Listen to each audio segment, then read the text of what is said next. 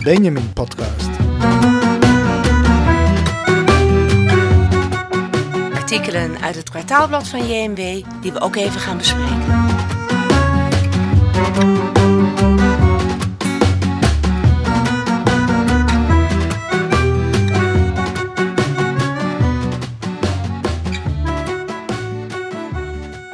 Welkom bij de Benjamin Podcast uh, met mij, Ferry Biederman. En met mij, Lea van Couverde. Ja, welkom uh, voor de, deze tweede Benjamin-podcast uh, alweer. Uh, we hebben het vorige keer gehad ook over de inhoud van de hele Benjamin, waaronder toen het verhaal van Daniel Metz over de terugkeer van zijn familie uit Nederlands-Indië destijds en hoe dat toen ging hier in Nederland. Het was natuurlijk een verhaal ook over Nederland in de Nederlands-Joodse gemeenschap, maar ook over uh, Joden in de koloniën in Nederlands-Indië. En uh, dat uh, verhaal wordt nu door Lea van Koeverde ingelezen. Die heeft dat ingelezen en daar gaan we naar luisteren. En daar voegen we een ander verhaal bij dat een klein beetje een link daarmee heeft. En dat gaat over Joodse achternamen die via de slavernij gekomen zijn. Dus van tot slaafgemaakten die de naam van hun toenmalige Joodse slavenhouder hebben gekregen. Dat zijn dus twee artikelen die allebei te maken hebben met het uh, koloniale verleden. Uh, daar zit uh, een klein beetje een, um, een actuele invalshoek bij. Dat komt door de excuses van premier Rutte nog niet zo lang geleden voor het slavernijverleden. Ja, Lea, wat vond jij eigenlijk van deze twee artikelen zo samen? En wat vind je van die um, excuses? Zou, zouden wij als Joden ook excuses moeten aanbieden, bijvoorbeeld, als je dit gelezen hebt? Wat ik vind van de artikelen is, uh, nou, het heeft natuurlijk te maken met de tijd waarin we nu leven en waarin uh, het slavernijverleden van de Nederlanders, en daar horen Joden ook bij, um, besproken is, waarvoor excuses zijn gemaakt. En wat vind ik van de excuses? Ja, wat vind ik van de excuses die um, premier Rutte destijds heeft gemaakt bij de uh, Auschwitz-herdenking uh, voor de rol die Nederland heeft gespeeld bij de vernietiging van een het overgrote deel van de Joodse bevolking. Ik vind daar niet zoveel van. Ik heb daar niks mee, moet ik heel eerlijk zeggen. Ik vind excuses die gemaakt worden door iemand die het namens mensen doet die er al lang niet meer zijn, vind ik lastig. Ik vind het lastig te plaatsen. Ik denk dan, hoe zou dat gevallen zijn bij mijn ouders bijvoorbeeld? Mijn vader zou gezegd hebben, wat heb je eraan? Maar um, er zijn mensen die er wel degelijk troost in vinden en erkenning. En dat moet je respecteren. Dus dat is wat ik vind van excuses die gemaakt zijn over, nou ja, de, bij tijdens de Auschwitz-herdenking, maar nu ook bij um, het slavernijverleden, wat natuurlijk verfoeilijk is. Ja, je bedoelt, het is misschien wel een beetje makkelijk om sorry te zeggen. En ja, als we daar ook als Joodse gemeenschap naar kijken, dan, dan uh, zijn er natuurlijk ook mensen die uh, aan de ene kant vinden dat dat veel te lang geduurd heeft, veel te laat gekomen is, dat het niet zoveel betekent. maar aan de andere kant is het natuurlijk wel iets dat voor toch veel mensen, vooral overlevenden, maar misschien ook afstammelingen van, wel iets betekent. En ja, wat ik zelf vond is dat uh, ook wat Rutte dan wel aangaf uh, in deze excuses over het slavernijverleden, dat het een relevantie heeft voor vandaag de dag. En uh, natuurlijk is er nog veel achterstelling in de maatschappij, veel racisme, institutioneel racisme, waar men zich nog op moet richten. misschien via educatie en dat soort dingen, waar zowel ook Joden als van afstammelingen van tot slaafgemaakte uh, mee bezig zijn om daar iedereen beter van te doordringen. Dus je hoopt een beetje misschien dat dit een begin is, of in ieder geval een weg is om verbeteringen dan weer aan te brengen in de maatschappij. Dat hoop ik en dat de educatie meer uitgebreid gaat worden hierover, over dit deel van onze geschiedenis die bij een heleboel mensen niet echt bekend is. Hè? Het is, wordt aangekaart tijdens de geschiedenislessen op scholen. Maar wat doen ze er dan verder mee? Ja, dus wat dat betreft denk ik is het belangrijk. Maar voor mij persoonlijk betekent het uh, niets. Maar nou kom ik ook niet uit een familie van tot slaafgemaakten. Als we naar de twee stukken kijken die jij nu ingelezen hebt, waar de mensen zo meteen naar kunnen luisteren, dan komt er ook wel een bepaalde Joodse betrokkenheid bij die, die slavernij naar voren. Dat de Benjamin heeft um, de afgelopen jaren, we zijn een kwartaalblad, maar we hebben ieder jaar wel wat over het koloniale verleden gedaan en ook over het slavernijverleden. En ja, daaruit blijkt dat Joden een, een, in sommige gevallen een hele kleine rol gespeeld hebben in het Caribisch gebied, in Suriname bijvoorbeeld, een grotere rol dan weer. In het stuk komt dan naar voren dat er toch behoorlijk veel mensen zijn die nu Joodse achternamen hebben, omdat dat voortkwam uit een relatie van een bijvoorbeeld Joodse slavenhouder met een, een tot slaaf gemaakte. Dus als we die verhalen lezen, dan uh, ja, zien we toch dat ook Joden bij zoiets betrokken zijn geweest. En ik vroeg me af of uh, wij als Joodse gemeenschap, dat is natuurlijk heel breed en een generalisatie, maar uh, staan wij daar open voor om dat te horen? Kunnen wij aan dat ook Joden niet oké zijn geweest in het verleden? Het zal wel moeten, want het zijn net gewone mensen. We horen net als anderen bij een grote groep mensen die ook inderdaad slaven hadden. En uh, niet elke Jood, uh, omdat hij zo veel heeft meegemaakt binnen de familiekringen en binnen de gemeenschap, is een goede Jood. Ik bedoel, ja, laten we daar even heel erg eerlijk over zijn. Toch? Ja, ja, maar er is natuurlijk inderdaad vanuit de buitenwereld vaak een verwachting van, oh, jullie hebben veel geleden en daarom moeten jullie dat ook begrijpen en beter zijn misschien dan iemand anders. Misschien wel. En misschien zouden we daarbij eens een keertje goed naar onszelf moeten kijken. Wat is onze rol geweest en hoe kunnen wij er met z'n allen voor zorgen dat het een betere wereld gaat worden, waarin er geen discriminatie meer is en waarin iedereen gelijk is. Het lijkt me fantastisch. Dat is heel mooi, maar in de praktijk gebeurt het misschien ook wel vaak dat we denken van, oh, we moeten voor onszelf opkomen en wat er met anderen gebeurt is dan misschien minder belangrijk. Nou, dat vind ik niet hoor. Nee. Ik zelf ook niet, maar ik kan me voorstellen dat sommige mensen er misschien zo over denken. Maar laten we uh, dit afsluiten en gaan luisteren naar de twee verhalen. Uh, wat we aan het begin niet gedaan hebben en wel van plan waren, dat was iedereen uh, natuurlijk een heel gelukkig nieuwjaar nog wensen en hoop dat iedereen fijne feestdagen heeft gehad. Zeker, en vooral een goed, gezond en tevreden 2023. Dan gaan we nu naar de twee stukken luisteren. Dank je Lea. Tot volgende keer. Tot de volgende keer Ferry.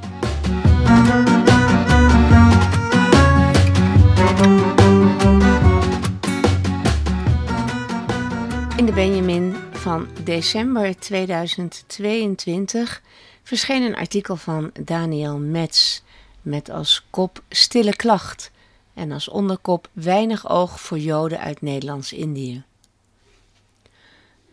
Joden uit Nederlands-Indië en Indonesië hebben, alleen al numeriek, een grote bijdrage geleverd aan de wederopbouw van de gedecimeerde naoorlogse Joodse gemeenschap in Nederland. Toch is er maar weinig aandacht voor ze geweest en bleef hun geschiedenis onderbelicht. Een hiaat waar een nieuwe vereniging, Zagor Pusaka, oftewel Herinner het Erfgoed, in een combinatie van Hebreeuws en Bahasa, iets aan wil veranderen. Cultuurhistoricus Daniel Metz kent het verhaal van dichtbij. Afgelopen zomer hield Sagar Pusaka een eerste publieksbijeenkomst in de Uilenburger School in Amsterdam. Als een van de sprekers was mij gevraagd een historische context te schetsen en tevens te verklaren waarom deze geschiedenis tot op heden zo onderbelicht is gebleven. Dat heb ik gedaan aan de hand van mijn eigen familiegeschiedenis. Mijn moeder, Nettie Heijmans werd in 1939 geboren in Garut op West-Java. Je kunt haar nog altijd blij maken met een Indische rijsttafel. De geuren en smaken voeren haar terug naar haar jeugd op Java, Sumatra en Sulawesi. De reden dat haar ouders daar zijn beland heeft te maken met de studie van haar vader, Hugo Robert Heijmans, roepnaam Bob. Hij had rechten gestudeerd en wilde per se doorleren voor rechter. Dat kon alleen met een overheidstoelage. Zo'n toelage werd onder strikte voorwaarden toegekend. Zo zou de student zich naast het Nederlands recht ook in het Indisch recht moeten bekwamen en hij verplichtte zich voor ongeveer twintig jaar uitgezonden te worden naar Nederlands-Indië. Bob Heijmans was overigens niet de eerste uit zijn familie die daar een deel van zijn leven zou doorbrengen. Zijn grootvader was hem rond 1845 voorgegaan. Jacobus Heijmans was een gedreven ondernemer, begonnen als winkelier in Amersfoort. In Semarang op Java richtte hij de Java Sumatra Maatschappij op, beter bekend als de Yazumei, die goederen van en naar Nederland transporteerde. Na twintig jaar keerde Jacobus als gefortuneerd man naar Nederland terug. Het familieverhaal gaat overigens dat het schip met persoonlijke bezittingen dat hij vooruit had gestuurd op de klippen is gelopen en verging.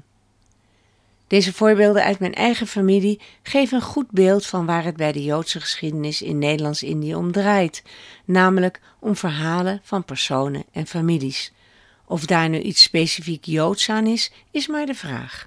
Mijn grootvader bijvoorbeeld was volledig geseculariseerd en voelde niets voor het Jodendom.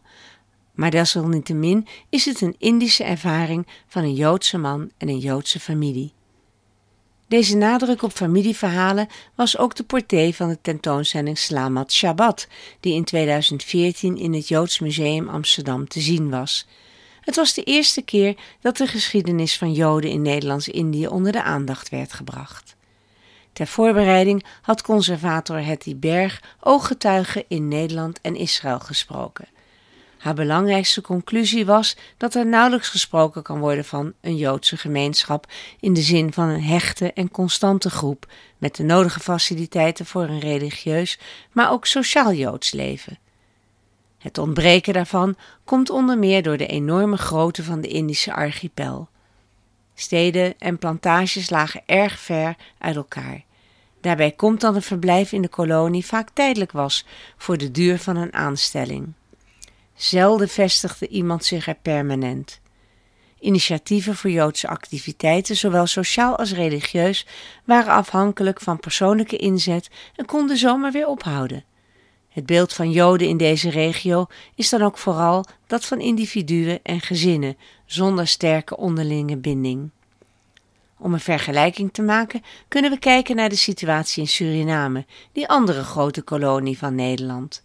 Suriname kende eeuwenlang een prominente Joodse aanwezigheid met een sterke eigen identiteit. Families verbleven er generaties lang en hadden hun culturele en religieuze centra in Paramaribo en op de Jodensavanne met meerdere synagogen, begraafplaatsen, een mikwe en allerhande verenigingen. In Nederlands-Indië is van dat alles geen sprake. Er zijn wel pogingen ondernomen om vanuit Nederland Joods leven in Nederlands-Indië te faciliteren. Dat gebeurde vooral in de hoofdstad Batavia, het huidige Jakarta. Rond de hoge feestdagen zijn er bijvoorbeeld religieuze diensten georganiseerd. De gemeenschap bleef echter klein en te inconsistent om een eigen rabbijn en andere voorzieningen te hebben. In 1910 heeft rechter Isidore Hen gedurende zo'n twintig jaar de uitvoering van praktische Joodse rituelen op zich genomen. Voor zijn vertrek vanuit Nederland heeft hij daartoe een opleiding gevolgd bij het Nederlands-Israëlitisch Seminarium, zodat hij op heel Java zegeningen kon uitspreken bij Brit Milot, besnijdenissen, huwelijken kon voltrekken en toezicht kon houden op het rituele kosher slachten. In Surabaya heeft vanaf 1923 de enige officiële synagoge van Nederlands-Indië gestaan. Daar was een groep van zogenaamde Bagdad-Joden neergestreken, Joden afkomstig uit Irak en Palestina. Zij vormden een hechte groep met een religieus Sephardisch netwerk dat zich uitstrekte van Jeruzalem tot Singapore, waar ze rabbijnen consulteerden, onder andere door hun oriëntatie op Azië mengde deze groep nauwelijks met Joden afkomstig uit Nederland. Schattingen van het aantal Joden in Nederlands-Indië lopen uiteen van 3000 tot 5000 aan de vooravond van de Tweede Wereldoorlog. Waar zij zich eerst veilig waanden voor de dreigingen van het nazisme, kregen zij in maart 1942 zelf te maken met de Japanse bezetting. Alle Europeanen werden in kampen opgesloten en kwamen onder het harde Japanse regime. Urenlange appels in de brandende zon, slagen met de koppelriem, ondervoeding, ziekte en de nakende dood. Maar ook hier reikte de meedogenloze haat van de natiebondgenoten. Op aandringen van enkele Duitse gezanten namen de Japanners maatregelen om Joden apart te zetten. In de meeste kampen stelde dat niet veel voor. Japanners zagen geen verschil tussen Joden en niet-Joden en lieten het er maar bij. Alleen op Java hebben twee aparte kampen voor Joden bestaan: Adek en Tangerang. Teruggekeerd naar Europa werden de ervaringen van de Jappenkampen onmiddellijk overschaduwd door wat er met de Joden in Europa was gebeurd. Er was sowieso weinig ruimte voor de Aziatische oorlogstrauma's in naoorlogs Nederland. De Joodse Indiëgangers kregen bovendien het idee dat hun interneringstijd minder ernstig was geweest dan de Shoah. Mijn ouderlijk gezin is daar een goed voorbeeld van, met een vader die Theresienstad had overleefd en een moeder met Jappenkamp-ervaring. Er werd bij ons gelukkig openlijk over de oorlog gesproken en ik ben opgevoed met beide kanten van het verhaal: de Europese en Aziatische oorlog. Maar binnen de algemene context van het herdenken lag de nadruk toch altijd sterk op de Europese situatie. Het heeft in Nederland sowieso lang geduurd voordat het Indische verhaal enigszins in de belangstelling kwam. Pas in 1985 is in Den Haag een nationaal monument voor de slachtoffers van de oorlog in Nederlands-Indië onthuld. Dat heeft alles te maken met de moeilijke houding van Nederland ten aanzien van de heroveringsoorlog van 1945 tot 1949, ook eufemistisch de politionele acties genoemd. Eigenlijk is het opmerkelijk dat binnen de Joodse gemeenschap het verhaal van Nederlands-Indië nauwelijks een plek heeft gekregen. Vooral wanneer je beseft dat naoorlogs Joods Nederland alleen al qua aantallen voor een belangrijk deel is opgebouwd door repatrianten uit de Indische archipel. Het gaat om een groep van 3 tot 5000 personen in een gedecimeerde gemeenschap van ongeveer 25.000 overlevenden van de Shoah dan is dat een substantieel aantal. Maar deze groep heeft zich nooit als zodanig gemanifesteerd, omdat zij zich niet als groep identificeerde. De Joods-Indische ervaring was een persoonlijke, van individuen of gezinnen. Het was geen homogene groepservaring. Met daarbij de ondergeschikte positie die de oorlog in Azië innam ten opzichte van het alles overheersende verdriet van de Shoah. Dat maakte dat deze geschiedenis slechts heel beperkt is doorgedrongen tot het collectieve Joodse bewustzijn. Maar de geschiedenis houdt niet op bij de Tweede Wereldoorlog. In de periode 1945-1949 zijn honderden dienstplichtige Joodse jonge mannen op oorlogsmissie gestuurd tijdens de militaire operaties die volgden op de onafhankelijkheidsverklaring van Indonesië. Mijn vader was een van hen. Net teruggekeerd uit Theresienstad ontving hij een oproep voor militaire dienst. Een poging van zijn vader om vrijstelling te krijgen werd afgewezen. Zodoende heeft mijn vader drie jaar doorgewacht in de jungle op Oost-Java.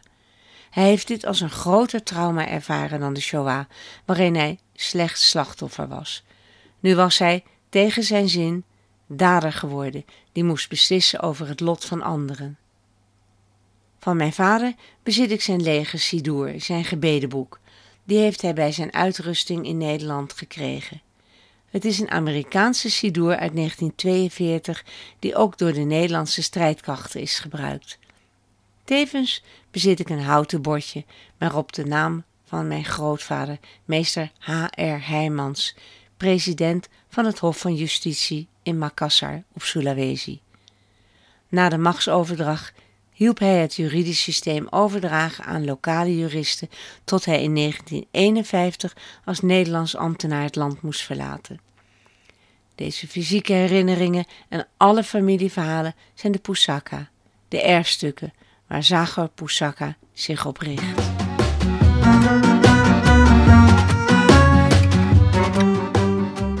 In 2021 verscheen in de Benjamin een artikel geschreven door Patrick Sternveld en Helen Wijngaarde over Joodse achternamen in de West, met als subkop Sporen van slavernij. Helen Wijngaarde deed onderzoek naar het slavernijverleden en publiceerde diverse malen in het OZO, het blad voor Surinaamse taalkunde, en Wirutu, het blad van de Stichting voor Surinaamse genealogie. Het Joodse aandeel in het slavernijverleden heeft ook zijn sporen achtergelaten in de achternamen van een deel van de Surinaamse en Antilliaanse bevolking. Denk aan duidelijk Sephardische namen als Fernandes, Jezoroen en Oliveira, maar ook Wolf of Wijngaarden. Het zijn de levende bewijzen van een pijnlijke geschiedenis. Als op 1 juli 1863 de algehele afschaffing van slavernij, aangeduid als de emancipatie en in Suriname gevierd als Ketikoti, de ketenen gebroken betekent dat, in de West-Indische koloniën een feit is, was daar al bijna 250 jaar van kolonisatie door Nederland aan vooraf gegaan. Die koloniale periode is voor een niet onaanzienlijk deel vervlochten met de geschiedenis van de Joodse diaspora van het Iberisch schiereiland. Kort gezegd waren de Spaanse en Portugese Joden in de 15e en 16e eeuw in grote getalen de Inquisitie ontvlucht naar veiliger orde, waaronder Nederland en de koloniën, waar ze deels ook betrokken waren bij de slavernij.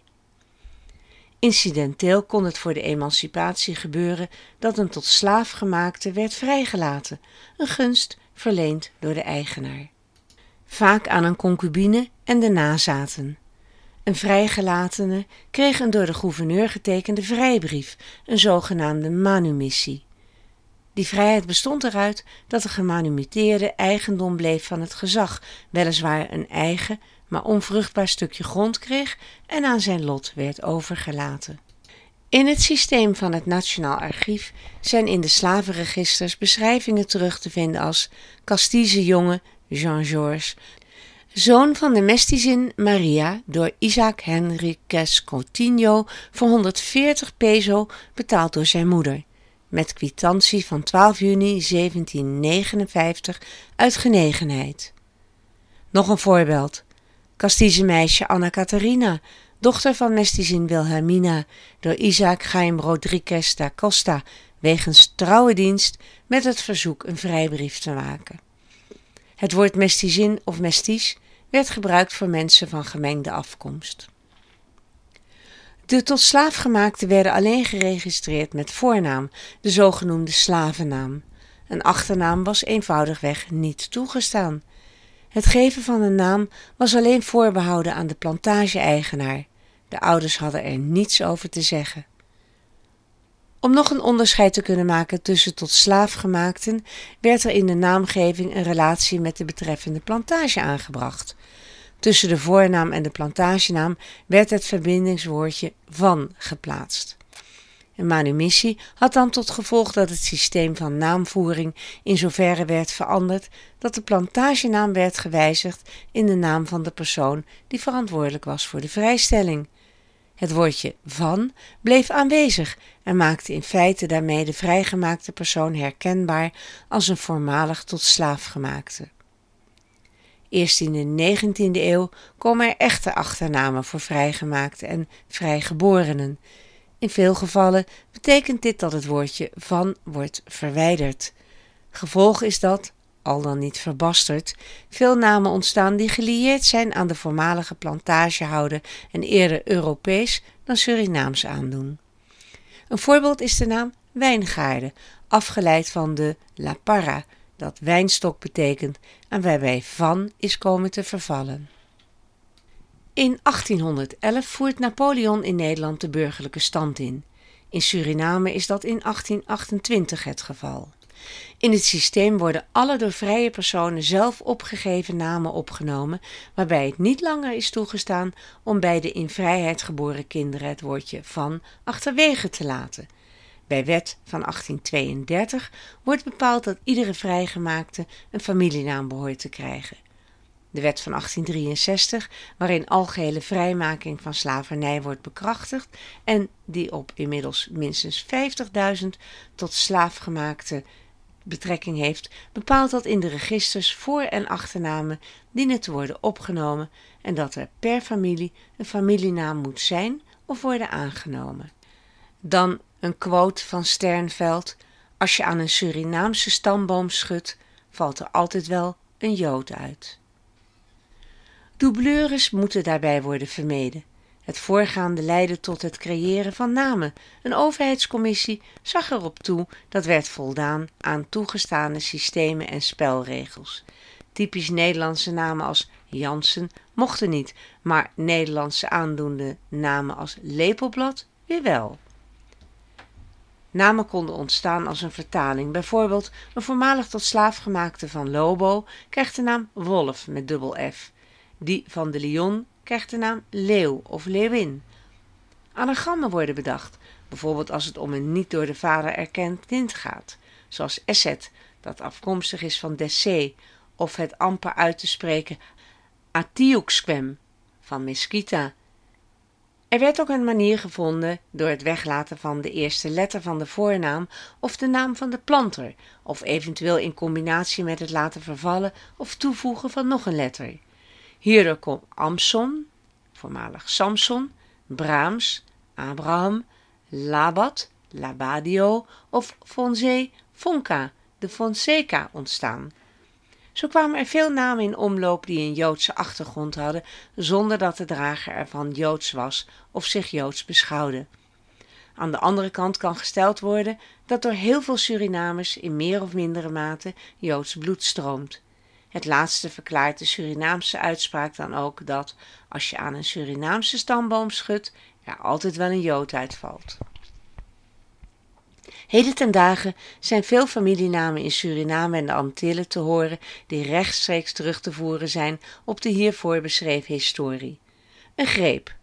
Abrahams, Alvarez, Bueno Bibas, Bueno de Mesquita, Cohen, A. Cohen, A. Cohen aan elkaar geschreven, Cardozo da Costa Gomez, da Costa Gomez, Gomez met een S, Gomez met een Z, da Silva, Vasilda, de Fernandes, Fernandes met een Z, Mendes Fernandes, een gekoppelde naam, Gonzales, Jesseroen, Jesseroen Lobo, Lobo Juda, Levi, Labat, Lobo, de Miranda, Morpurgo, Mosanto Nassi, Nasi, Nunes del Prado, de La Parra, Oliveira, Robles de Medina, Robles. Bekende voetballers als Davids en Emanuelson passen ook in dit rijtje. Trouwens, heb je een Surinaams eetentje in de buurt? Niemand kijkt vreemd op bij de bestelling van een broodje pom. Ook met een Joodse oorsprong. En een rode Fernandes. Je vindt de Benjamin online op joodswelzijn.nl en als Benjamin Magazine op Facebook. Kijk ook op onze website voor een gratis abonnement op de gedrukte Benjamin. Dit was een Benjamin podcast.